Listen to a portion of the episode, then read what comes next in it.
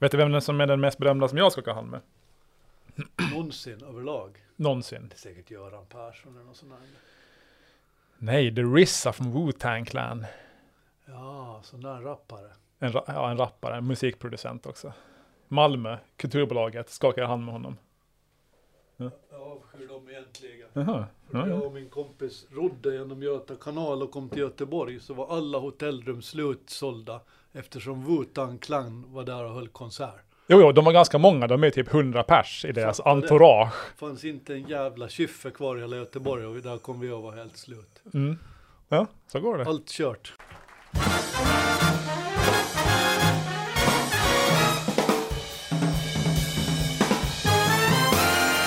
Okej, då säger vi välkomna till Ålands Handel avsnitt 5. Och jag som eh, står bakom den här mikrofonen heter Fredrik Rosenqvist. Och, och vad heter du? Och jag heter Jörgen Pettersson och det är ett nöje att vara här igen i huvudkontoret som finns vid posten, vid Åland Post.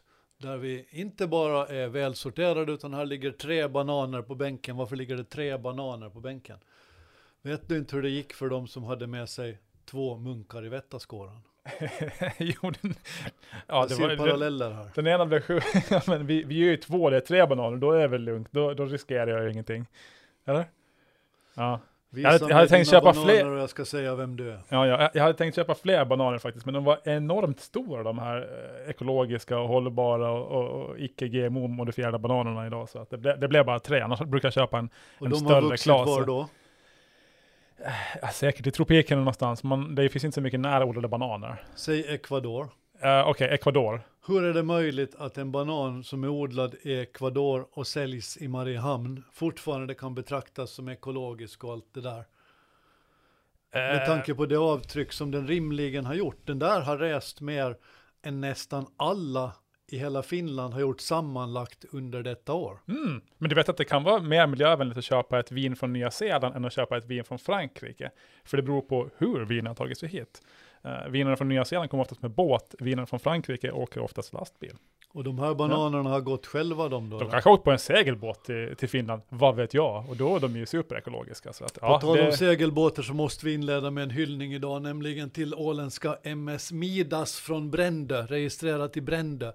De är på väg härifrån, de tillbringade vintern, eh, sommaren vid Västra hamnen. Mm. Nu kör de över till Florida, där de ska inleda linjetrafik på Haiti, bara en sån sak, Papa Doc. Ja.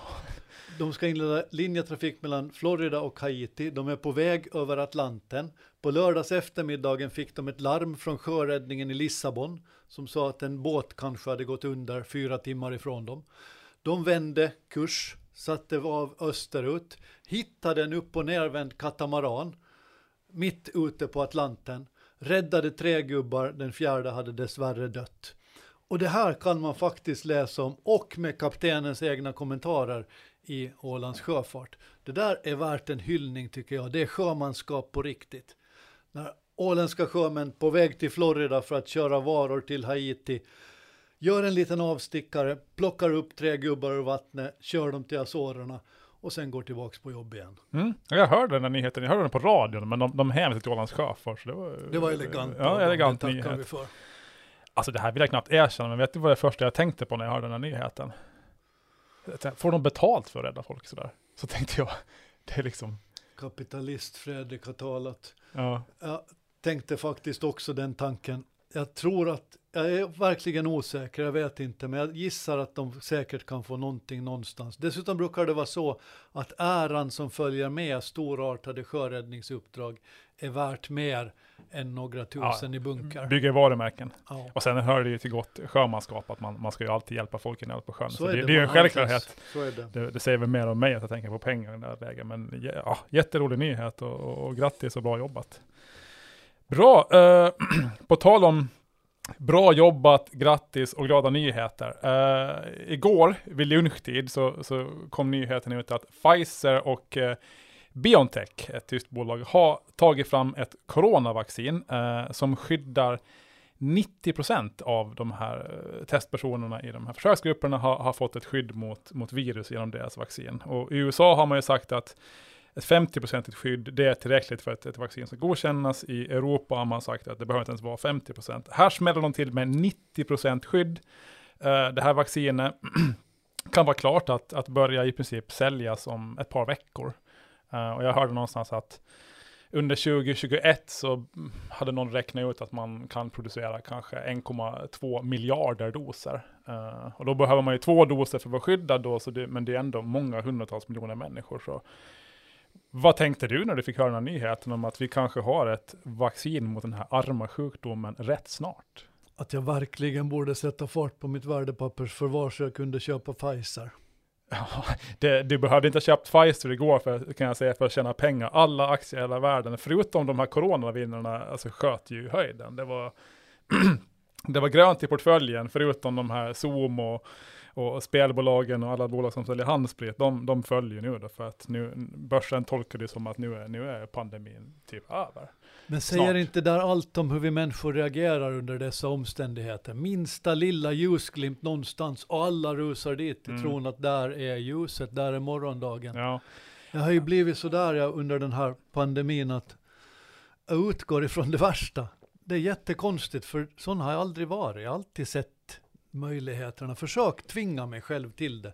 Men jag tycker det är allt svårare att vara optimistisk. Mm. Så den här nyheten, om den stämmer, den, den skulle det skulle vara det största som har hänt. Ja, alltså jag, jag är ju en pessimist i vanliga fall, men när jag hörde nyheten igår och, och fick höra en, en, snabb analys av den, alltså jag har inte varit så glad på, alltså sen min, mitt barn föddes.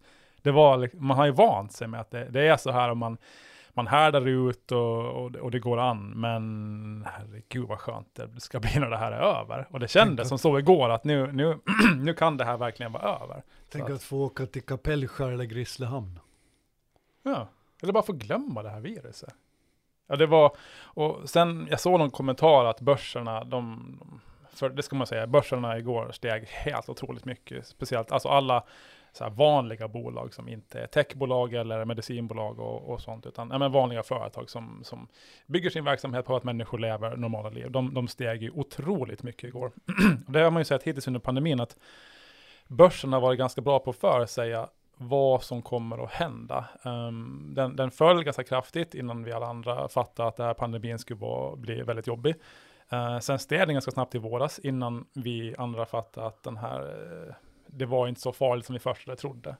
Och nu stiger den väldigt mycket och det här måste man ta som en signal på att väldigt smarta människor har satt sig in i vad den här nyheten betyder, vad den kommer att innebära och att den kommer att innebära väldigt, väldigt bra saker. Så att ja, jag tog det som en otroligt positiv signal. Men det du sagt tidigare att det är centralbankernas eh, beslut att trycka en massa pengar och hålla uppe köpkraften och mm. börserna som har gjort att börserna har klarat sig. Är inte det sant det då? Jo, det är sant, absolut. Men sen styrs ju för, förstås börsen också av att hur det kommer att gå med den här pandemin och om människor kommer att börja resa igen och så. Så jag menar, centralbankerna kan trycka mycket pengar de vill. Eh, så länge inte människor flyger så kommer flygbolagen att gå dåligt. Och igår såg man då att flygbolagen sköt i höjden som man kan säga.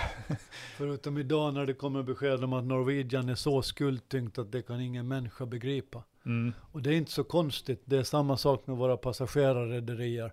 De har drabbats på ett sätt som där intäkterna bokstavligen har försvunnit. Jag är djupt imponerad över att de har härdat ut så här långt. Mm. Och sen en annan nyhet som, som kom samtidigt som det här, det är att det finns ju, det finns ju flera bolag som, som håller på med vaccin parallellt. AstraZeneca är ju ett annat. Och de är också ganska nära att vara klara i någon mening med en helt annan typ av, av vaccin. Och nu, nu är man ju ingen, ingen doktor i, i, i genetik och, och, och, så, men de är ganska häftiga de här nya, nya vaccinerna. Det, det, det, är ju, som jag förstår det, inget traditionellt vaccin som Pfizer har tagit fram, utan det är någon sorts det handlar om genetik där man sprutar in någonting som gör att ens immunförsvar klarar av att eh, tampas mot det här viruset. Så man blir liksom fortfarande smittad, men, men du klarar av det på något sätt. Så det är inte som ett traditionellt vaccin där du på något sätt sprutar in viruset, eller liksom en, en, en dött form av viruset som, som sen bildar antikroppar. Utan det här är en helt ny grej och det, det är ganska häftigt. Och jag tycker att det är så här, jag gillar ju miljö och så. Uh, men uh, jag har aldrig varit så här jättekritisk egentligen till genmodifiering. Jag, jag tror att det kan få, komma mycket gott med det. Vissa är kritiska till genmodifiering för att nummer ett, det är emot Guds vilja eller naturlagen att göra någonting. Eller nummer två, det kan vara farligt för miljön för att om genmodifierade organismer sprids så tar de över och sådär. Men jag hoppas kanske att nu är kritikerna lite eh, lugnare, för att det är ju genetik och genmodifiering som, som delvis bidrar till att vi kan skapa de här vaccinerna och ja, de, de behövs ju. Jag är, liksom. jag är en varm vän av genmodifiering, jag skulle älska att ha tre armar. Man skulle kunna göra så mycket mer saker. Ja. Men skämt åsido, doktor Rosenqvist, så tror jag att det är med vaccin som det är med korv. Man vill inte riktigt veta hur de har kommit till eller vad de gör för någonting. Man är nöjd så länge man blir mätt Mm. eller frisk. Men när det kommer till genmodifiering så tycker jag en sak är intressant ur ett religionsperspektiv. Och det är att om Gud verkligen har satt oss på den här planeten och gett oss förmågor att använda som vi ska göra, gör vi då rätt om vi inte använder de förmågorna? Mm. Gör vi rätt gentemot Gud om vi begränsar oss själva trots att vi kan göra annorlunda? Den frågan tycker jag på riktigt är intressant faktiskt när man diskuterar just genmodifieringar. Den inleddes med fåret Dolly för många år sedan när de Mm. gjorde ett exakt likadant får. Och jag kunde aldrig riktigt fatta problemen med det. För kan man göra det så vore det väl fel att inte göra det. Mm. Jo, absolut. Och, och de, den här forskningen som Pfizer de håller på med inom den här genetikområdet, den, nu, nu råkar det sig så då att antagligen så, så kommer de att kunna ta fram ett jättebra vaccin mot corona, men i grund och botten handlar ju den här forskningen mycket om att bota sjukdomar som, som, ja, som cancer, att det aldrig uppstår. Att man, man lyckas manipulera våra, våra gener på ett sätt, eller våra kroppar på ett sätt, så att den inte bildar cancerceller. Och det, ja, det vill man ju också verkligen åstadkomma. Så att, Det här blir en intressant debatt. 5G. 5G-foliehattarna kommer snart att sättas åt sidan för någonting Mm. riktigt svårt. Ja, ja. Nej, men just det här med korv, vad som finns i korv och vad som finns i vaccin. Det sägs väl att Trump, hans cocktail med, med, med botemedel, det innehöll ju alltså, saker som de har tagit från aborterade foster och sånt. Och det, det rimmar väl inte jättebra om man är abortmotståndare som Trump är. Så att, Och om man sätter sig in i hur de här vaccinen fungerar, det, det är verkligen ganska så här, oj, oj, oj, vill jag verkligen ha det här i kroppen? Men när man börjar fundera på hur sin egen kropp fungerar, allt som ska klaffa för att man ska kunna ta sitt nästa andetag och allt blod som ska cirkulera och alla grejer. Så man, man vill inte ens, man, man är själv som en korv, man vill inte veta vad man, man har där inne och hur det funkar för då blir man helt snurrig. Undrar Men- på att Trump är på dåligt humör då när det börjar gå ur kroppen. Ja. Men vad tror du, är sommaren 2021 räddad? Jag har ju dömt ut den, jag tror att jag har sagt att den kommer att bli lika kass som 2020 för det kommer inte att hinna lösa sig innan dess. Men Nej, nu, jag menar ett vaccin om ett par veckor, eller? Den släpper jag inte. Sommar 21, den måste bli den bästa sommaren någonsin. Ja. Nu kanske jag är med på tåg egentligen då. Den kanske blir eh, bra, eh, så att vi hoppas på det. Och, ja. Åland fyller 99 år, bara en sån sak. Det Jaha. kan inte gå obemärkt förbi. Det måste bli en fantastisk sommar. Ja, ja, det hoppas vi på. Det är skönt så här i november. Ehm, du, det var ju en pokerboom för några år sedan. Eh, ungefär samtidigt som det blev populärt att spela om pengar online. Och, och Puff var ju tidigare med det här. Och det var ju en film som skapade den här pokerboomen, Rounders, med, med Matt Damon. Den var, det är en otroligt bra och spännande film där han spelar mot Teddy KGB som spelades av John Malkovich. Och det här gjorde ju att alla människor skaffade ett pokerset och, och började spela poker. Och det blev en jätteboom som den höll väl i sig säkert i tio år nästan tror jag. Ja, det var länge i alla fall. Nu har den ju dalat lite grann. Men De tjänar grymma pengar på det. ja, ja, många känner, men jag spelar fortfarande poker, jag tycker det är jättekul. Uh, orsaken till att jag tar upp det här är att jag har sett kla- klart Queens Gambit på, på Netflix nu. Som, som ha, alltså det var en helt otroligt bra serie och kul med en, en kvinnlig huvudrollsinnehavare. Och, ja, den tar upp, förutom schack då, så tar den upp massa frågor om ja, men, psykisk ohälsa och alkoholberoende och alla möjliga viktiga saker, vänskap och familjerelationer. Och den, den innehåller verkligen allt och den är otroligt snyggt gjord och, och så. Och jag eh, tror, eh, eller jag vill kanske fråga dig, tror du att den här eh, serien skapar en schackboom nu? Att folk börjar spela schack som aldrig förr? Jag tror lite det, eller? Kanske. Om man kan få det att spela mot pandemin och människors vilja till att ta bättre hand om sig själv och att gilla läget där man är. Inte när man blir pensionerad, inte på fredag, inte när man får semester, utan här och nu. Det tror jag att pandemin kanske har gjort med oss. Problemet med schack är att man kan inga tjäna pengar på det. det kan man med poker. Så kommer man på ett sätt att tjäna pengar på schack, då kommer det där till bli stort. För schack, det, det är poker gånger 10 miljoner. Mm. Schack är, är liv. Ja. Schack är Sch- Schack är liv. Schack är liv. Ja. Schack visar hur du växer, hur du börjar med, med små bönder, hur du sen tar in hela spelet och hur du utformar dina strategier. Om man ser hur en människa spelar schack så kan jag exakt säga vilken sorts människa typ du är. Jag ser om det är en offensiv människa, om det är en ängslig människa, om det är en säker människa. Du hör till dem som skulle spela ett ganska tätt spel och hålla armarna nära kroppen. Jag skulle vara en sån som går lite mera på sidorna och använder alltihopa och tar större risker. Mm. Man ser riskvilligheten på ett schackbräde. Ja, jag var inte så säker på Chansen det. Ja. är stor att om vi skulle ha samma nivå i schack, vilket vi inte har, jag tror att jag fortfarande är lite bättre än vad du är i det, men om vi skulle ha samma nivå så tror jag att du skulle vinna oftare, men jag skulle vinna titlarna. Mm. Det, Utmaning. ja, ja, ja, precis ja. ja, ja, du, du kan ju spela schack. Jag, jag har spelat lite schack, men jag är inte så bra på det. Men du, det här med att man inte kan tjäna pengar på, på schack, det är ju fel. Är det det? Ja, har du hört talas om Magnus, vad heter han? Magnus eh, Carlsen. Magnus Carlsen, eh, vä- Världsmästaren. världsmästare, hade varit obesegrad i två år, sen fick han pisk av någon polack här tidigare i höst, läste jag. I vilket fall som helst, han har ju eh, ett bolag, eh, Play Magnus Group.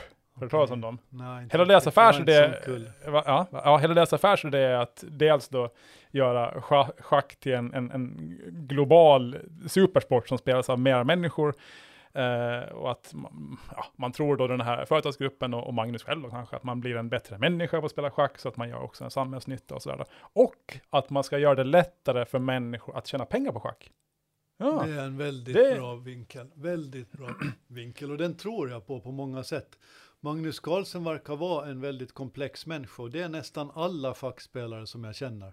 De är, dels kan de vara otroligt fyrkantiga, men sen kan de också vara väldigt roliga.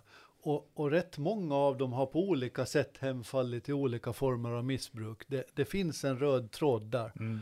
som inte är okomplicerad. Magnus Carlsson berättade själv, han har varit alkoholfri i två år nu. Han berättade i, dagar, i dagens kvällstidning måste det ha varit, om hur han var beroende och, och även när han var som allra bäst. Det säger ganska mycket om den där sporten.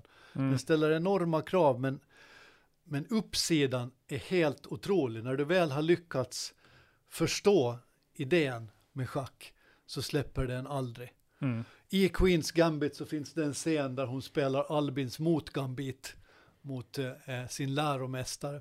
Albins motgambit förföljer mig från när jag var kanske 16 år gammal och mötte en man som heter Jarmo Farell, han spelar nog schacken nu. Så lurade han bildligt talat byxorna av mig med Albins motgambit. Jag blev matt på tre drag nere i en källare i stan där vi spelade. jag förstod nästan ingenting av vad det du sa nu. Det jag därmed förstår är att han är Magnus Carlsen då, som ty- han har ett konstigt skägg och är bra på schack. Han, han investerar ja, ett par hundratusen norska kronor i det här bolaget. Och sen när de Play Magnus då noterar sig på en, det var inte på den riktiga Oslobörsen, men på en börs i, i Norge, så, så sålde han eh, några av sina aktier, jag tror det var en fjärdedel kanske, och han fick han in 150 miljoner. Ja. Det är fantastiskt. Ja, ja, absolut. Så där, tips Jörgen, kanske du borde köpa in dig i Play Magnus Group. Play Magnus. Ja. Om Jag är schack blir det- blir det- av den där killen, han är ju så ung, han har gjort schack till en folksport i Norge.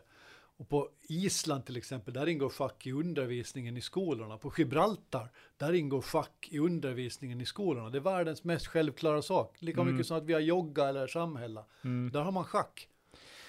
Men vad är det som är bra med schack? Alltså du, du lär dig ett spel som du, som med godtyckliga regler som, som du inte har någon användning för i det riktiga livet. Eller?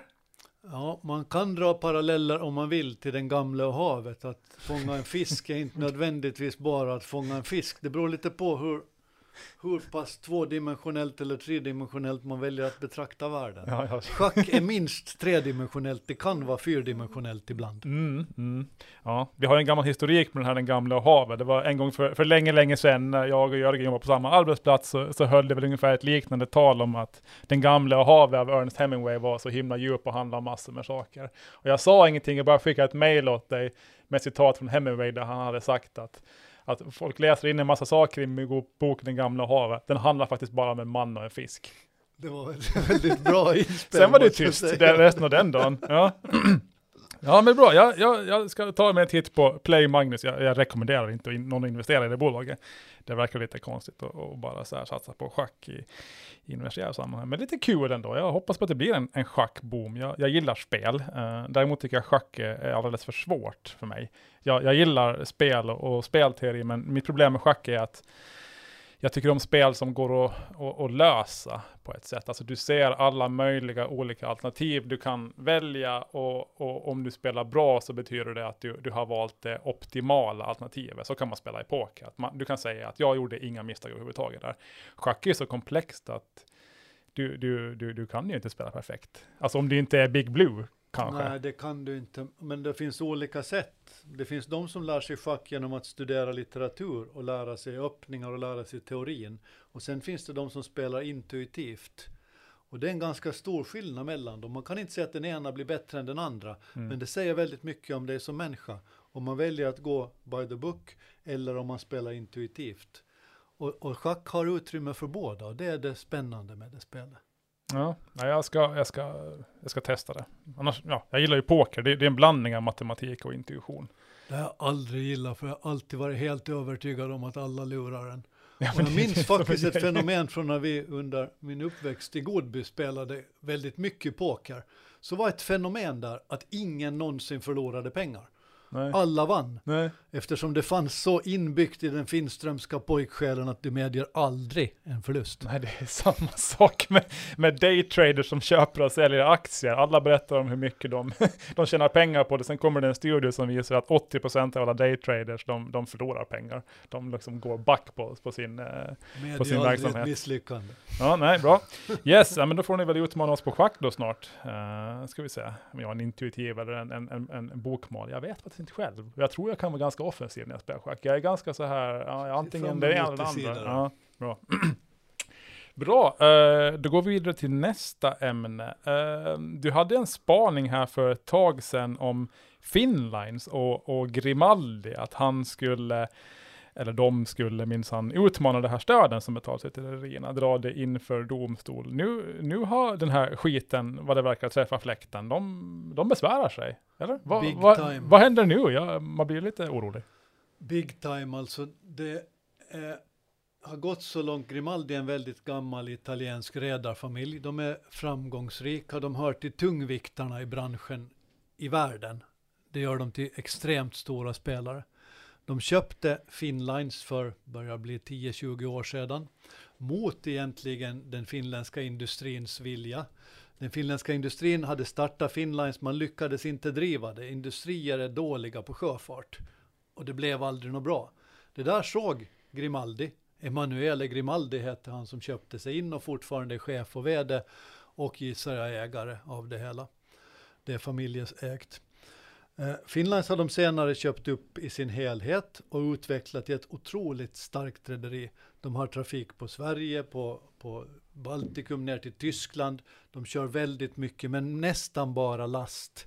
De har försökt ge sig in på passagerarsegmentet och de har beställt stora fartyg i Kina som från och med 2023 ska sättas in i trafiken mellan Kapellskär och eh, Långnäs och Nådendal. Det är en jättesatsning på passagerartrafik också vid sidan av godstrafiken. Men väldigt ytligt, övert, överskådligt betraktat så har Finnlines gått in för last medan Tallink, Silja och Viking Line och Eckerö har gått in för passagerare som de har stött med last. Men nu har pandemin gjort att myndigheterna har förbjudit folk från att åka med färjor. Det är alltså inte en effekt av pandemin direkt, utan det är en effekt av myndigheternas beslut att inte låta folk resa. Det här har myndigheterna i form av finska staten senare gått in och sagt att vi stöder er så ni överlever detta. Men de gör en upphandling på olika linjer för att de ska kunna använda Traficoms pengar till att betala passagerarrederierna så de överlever. Mm. Finlines tycker att detta är fel. De säger varför får inte vi del av dessa pengar? Vi kör också passagerare och vi bedriver också sjöfart. Men sanningen är, Finlines har knappt förlorat några pengar alls. Jo, de har nog förlorat dem också till följd av allt detta. Men i jämförelsevis med Tallink Silja, Viking Line och Eckerö så har Finlands i stort sett gått intakta ur den här krisen. Och det där nu tycker Grimaldi att det är fel när man från statligt håll sätter skattepengar på att stödja svaga företag. Och i New York Wall Street Journal så tar han steget ännu längre och säger det som alla kapitalister säger. Svaga bolag ska köpas upp av starka bolag och sen är det punkt. Mm. Och det kan man hålla med om. Det finns en tanke i det, så funkar det. Men inte när pandemin kommer in. Nej. Inte när det är en följd av myndigheters beslut att begränsa folks rättigheter. Har han någon chans att få rätt? Att de drar tillbaka det här stödet eller tvingas betala tillbaka det? Eller är det loppet kört? Det låter som på dig att han inte har ett speciellt bra starkt case här eller? Ja, jag önskar att det skulle vara så, jag är inte lika säker. Han, man ska minnas att han har en armé av advokater från hela världen bakom sig. Han har skrivit brev till EU-kommissionen, till direktoral, eh, det här kon, competition, alltså konkurrens-DG inom EU, där han klagar på finska statens stödbeslut. Och han driver det så långt som det går att driva det. Och om någon driver en fråga så starkt så är det klart att någonstans så kommer någon att kanske börja vackla och tänka att är det här rätt? Mm. Jag tycker att det är rätt eftersom rederierna är drabbade av myndigheters beslut. Men ja. överklagan är överklagan och marknadsdomstol är en domstol och domstolsutslag är inte lätt att föregå. Nej, och det är inte alltid våra direktörer på Åland lokalt får uttala sig i Wall Street Journal och få säga vad de tycker där. Det, ja, det var en stark på... grej alltså. Han kallades för the heavyweight of shipping. Mm. Och det, det, är rätt tungt alltså. Ja, ja. Vi får väl se hur det går, men det lär ju vara kämpig stämning på rederierna i Finlands julfest, eller? Har det kan de jag tänka mig ganska mycket. Där har man alltid haft en tradition i att man kämpar för gemensamma frågor. Och nu så väljer en av dem att gå emot de andra. Mm. Och det kan nog, det kommer nog till vara... Trots att de inte egentligen drar skada av det. Alltså de, Grimaldi och Finland vill väl egentligen bara att inte de andra ska gynnas, att de ska gynnas relativt. Men de, de drar inte någon, lider inte någon skada av det Jag här, får känslan som hände i Billions. När uh, hjälten där, eller huvudpersonen, samtidigt som 9-11 inträffar och World Trade Center rasar samman Istället för att gå där och hjälpa till så sätter han sig och blankar flygbolagsaktier. Mm. Den känslan får jag. Okej. Okay. Axelrod. Ja. Bra. Uh, veckans hyllning har vi kommit fram till. Uh, jag tänkte att jag skulle hylla Joe Biden. Han, va, han vann! Det, var, det ska bli skönt att, att slippa han där, han där clownen, får man väl säga nu när det är avgjort. Men jag, jag, läste, jag har läst på ganska mycket, för nu, jag sa ju det tidigare i poddavsnittet, att jag bryr mig inte så mycket om valet innan, men sen när det är avgjort, då vill man gärna veta, okej, okay, vad händer nu? Uh, så jag satt in mig in i det, jag läst på lite grann vad han vill och så, och uh, han har ju en, uh, åtminstone har han sagt innan valet nu, en, en väldigt stark agenda för klimatarbete, USAs klimatarbete. De ska gå tillbaka i Parisavtalet och, och han, de ska satsa väldigt mycket på det med förnyelsebart. Och det, mm, om han får som han vill, åtminstone om man tror på det han säger, så kommer USA från att gå från att vara sämst i klassen på det här under Trump till att vara någon sorts föregångare för miljö och klimatarbete i världen. Uh, och då kan det hända grejer, för att även om Trump har, har, sagt att han gillar eh, kol och allt det där, så har ju kolgruvor ändå stängt i USA och Tesla har har vuxit i, i, hans land. Om de får en, en, president som gillar det här med miljö så då kan det ju knappast bli sämre. Sen ska det ju sägas att Biden har ju sagt att han vill han vill hitta kompromisser och han vill ena landet och, och det betyder ju att han kanske inte kan genomföra den politik som han vill utan det kommer bli någonstans mitt emellan. Så att, men ja, kul ändå att han, han väljer att, att ta upp den här frågan så här starkt och ändå ser ut att vilja prioritera det här. Så att ja, det var eh, förbättring på den fronten. En bra hyllning men inte perfekt. Nej. Man borde nämnt Kamala Harris på samma gång. Hon är från Kalifornien som egentligen alltid har varit världsledande när det gäller drastiska åtgärder för miljöns bästa. Mm. Så jag tror att de har ett team där som faktiskt funkar. Ja. Och på tal om team så vill jag köra min hyllning lite mera jordnära och lite mera förutsägbar och kanske inte så överraskande. Men Åland United måste nämnas i vår podd. När ett fotbollslag utmanar i finska ligan och man vinner hela rasket, först kuppen och sen dubben, vilket hände senaste söndag, då blir hela jag varm i kroppen. Och det är sånt som behövs så mycket i dessa tider. Ibland säger man att Åland United inte är ett lag av bara hemvävda ålänningar. ålänningar. Nej, så är det. Det är väldigt få som är hemvävt idag någonstans i världen när det gäller fotbollslag, när det gäller företag, när det gäller en massa saker. Specialister far runt och hjälper till att stärka varumärken. Mm. Och här har man, har Åland United lyckats stärka sitt varumärke på ett sätt så hela Finland vet vilket som är Finlands bästa fotbollslag idag. Och det är Åland United. Mm. Det där har vi med oss i allt vad vi gör i Finland. Om det är affärer, om det är vanliga möten, om det är någonting annat. Åland United har hjälpt oss stärka Åland och det hjälper våra affärer och det hjälper våra entreprenörer. Så hatten av i den mån jag skulle bära en hatt för det. Mm, absolut, jag håller med. De, jag blir glad, de, de berättade om ett nyförvärv här igår då, som, som kommer till nästa år. Eh, och jag blir glad när jag får höra människor som vill komma till Åland och till exempel spela för Åland United eller jobba för, för Viken eller vad som helst. Det, man blir som ålänning glad över att någon ser det fina i vår, vår fina ö och, och vill komma hit. Så att det här med att hur många eh, ålänningar som spelar eller inte spelar i Åland United i IFK Mariehamn, det tycker jag är lite skitsamma. Det, jag, tycker det, jag, är, jag är glad över att människor vill komma hit och spela för våra lag och, och göra dem bäst i landet. Vi älskar inte bara entreprenörer, vi älskar eh, inflyttare alldeles särskilt. Absolut, för de, de har valt att bo här. Jag, jag, jag är född här, så jag, jag har ju ett val, men ja, jag sitter i fast. Däremot tänkte jag, alltså, när jag hörde den här nyheten, jag, jag tycker det är jättekul att de har vunnit, alltså 100 procent. Men alltså, de fick 5 000 euro för att vinna ligan i Finland, hörde jag på radion. Eller om jag läste det. Det är ju lite så här, vadå? Ja, prispengarna är svåra, det där är en svår sak, den diskussion som jag faktiskt inte har en aning om hur man ska... Nej, jag, kan, jag, kan, jag har en aning om hur man ska diskutera det. Jag tycker det är för jäkla lågt. Så jag hoppas att, att kanske, jag menar, människor på Åland och, och företag får väl helt enkelt skjuta till och sådär.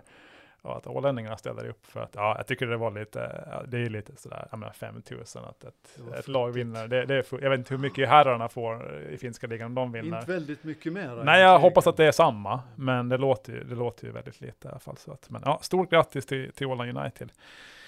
Bra, då var vi klara för idag. Det här var ju en spännande vecka. Cupguld, ligaguld och, och coronavaccin och, och schackserier. Nu, nu, Och nu. eh, eh, räddningsmanöver i Atlanten. Räddningsöver i Atlanten. Bara positiva, positiva nyheter här. Eh, så tack för att ni har lyssnat. Eh, och om ni vill så får ni gärna gå in i, i, appen Podcaster, som är App- Apples eh, poddapp, och ge oss ett betyg och ge oss en recension.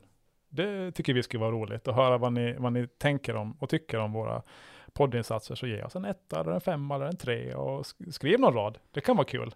Hellre fem än ett då om man skulle få välja. Ja, vi vill ju helst ha fem i betyg. Och sen om ni har något elakt att skriva i er recension, så ta det helst alltså, om Jörgen. Gör det gärna någon annanstans eller om Fredrik.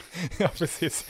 Ja, men gör gärna det. Det tycker vi det skulle vara jättekul och, och ja, det, det hjälper också så här nya poddar som, som vi och, och synas i, i, i Apples katalog. Så det är bara bra om ni sågar och hyllar om vartannat. Så. Nu ska vi göra tidning, ny tidning ute i december. Full med spännande eh, berättelser om entreprenörer som du aldrig trodde ens kunde föreställa dig att fanns på Åland. Nej, det är ett helt fantastiskt utbud av spännande människor att skriva om och ni, ni kommer att bli förhoppningsvis glatt överraskade i december när, när tidningen dimper ner i era postlådor. Den kommer att bli någonting utöver det vanliga, det lovar vi. Bra, då säger vi hej då Jörgen. Tack och hej då. Tack och hej.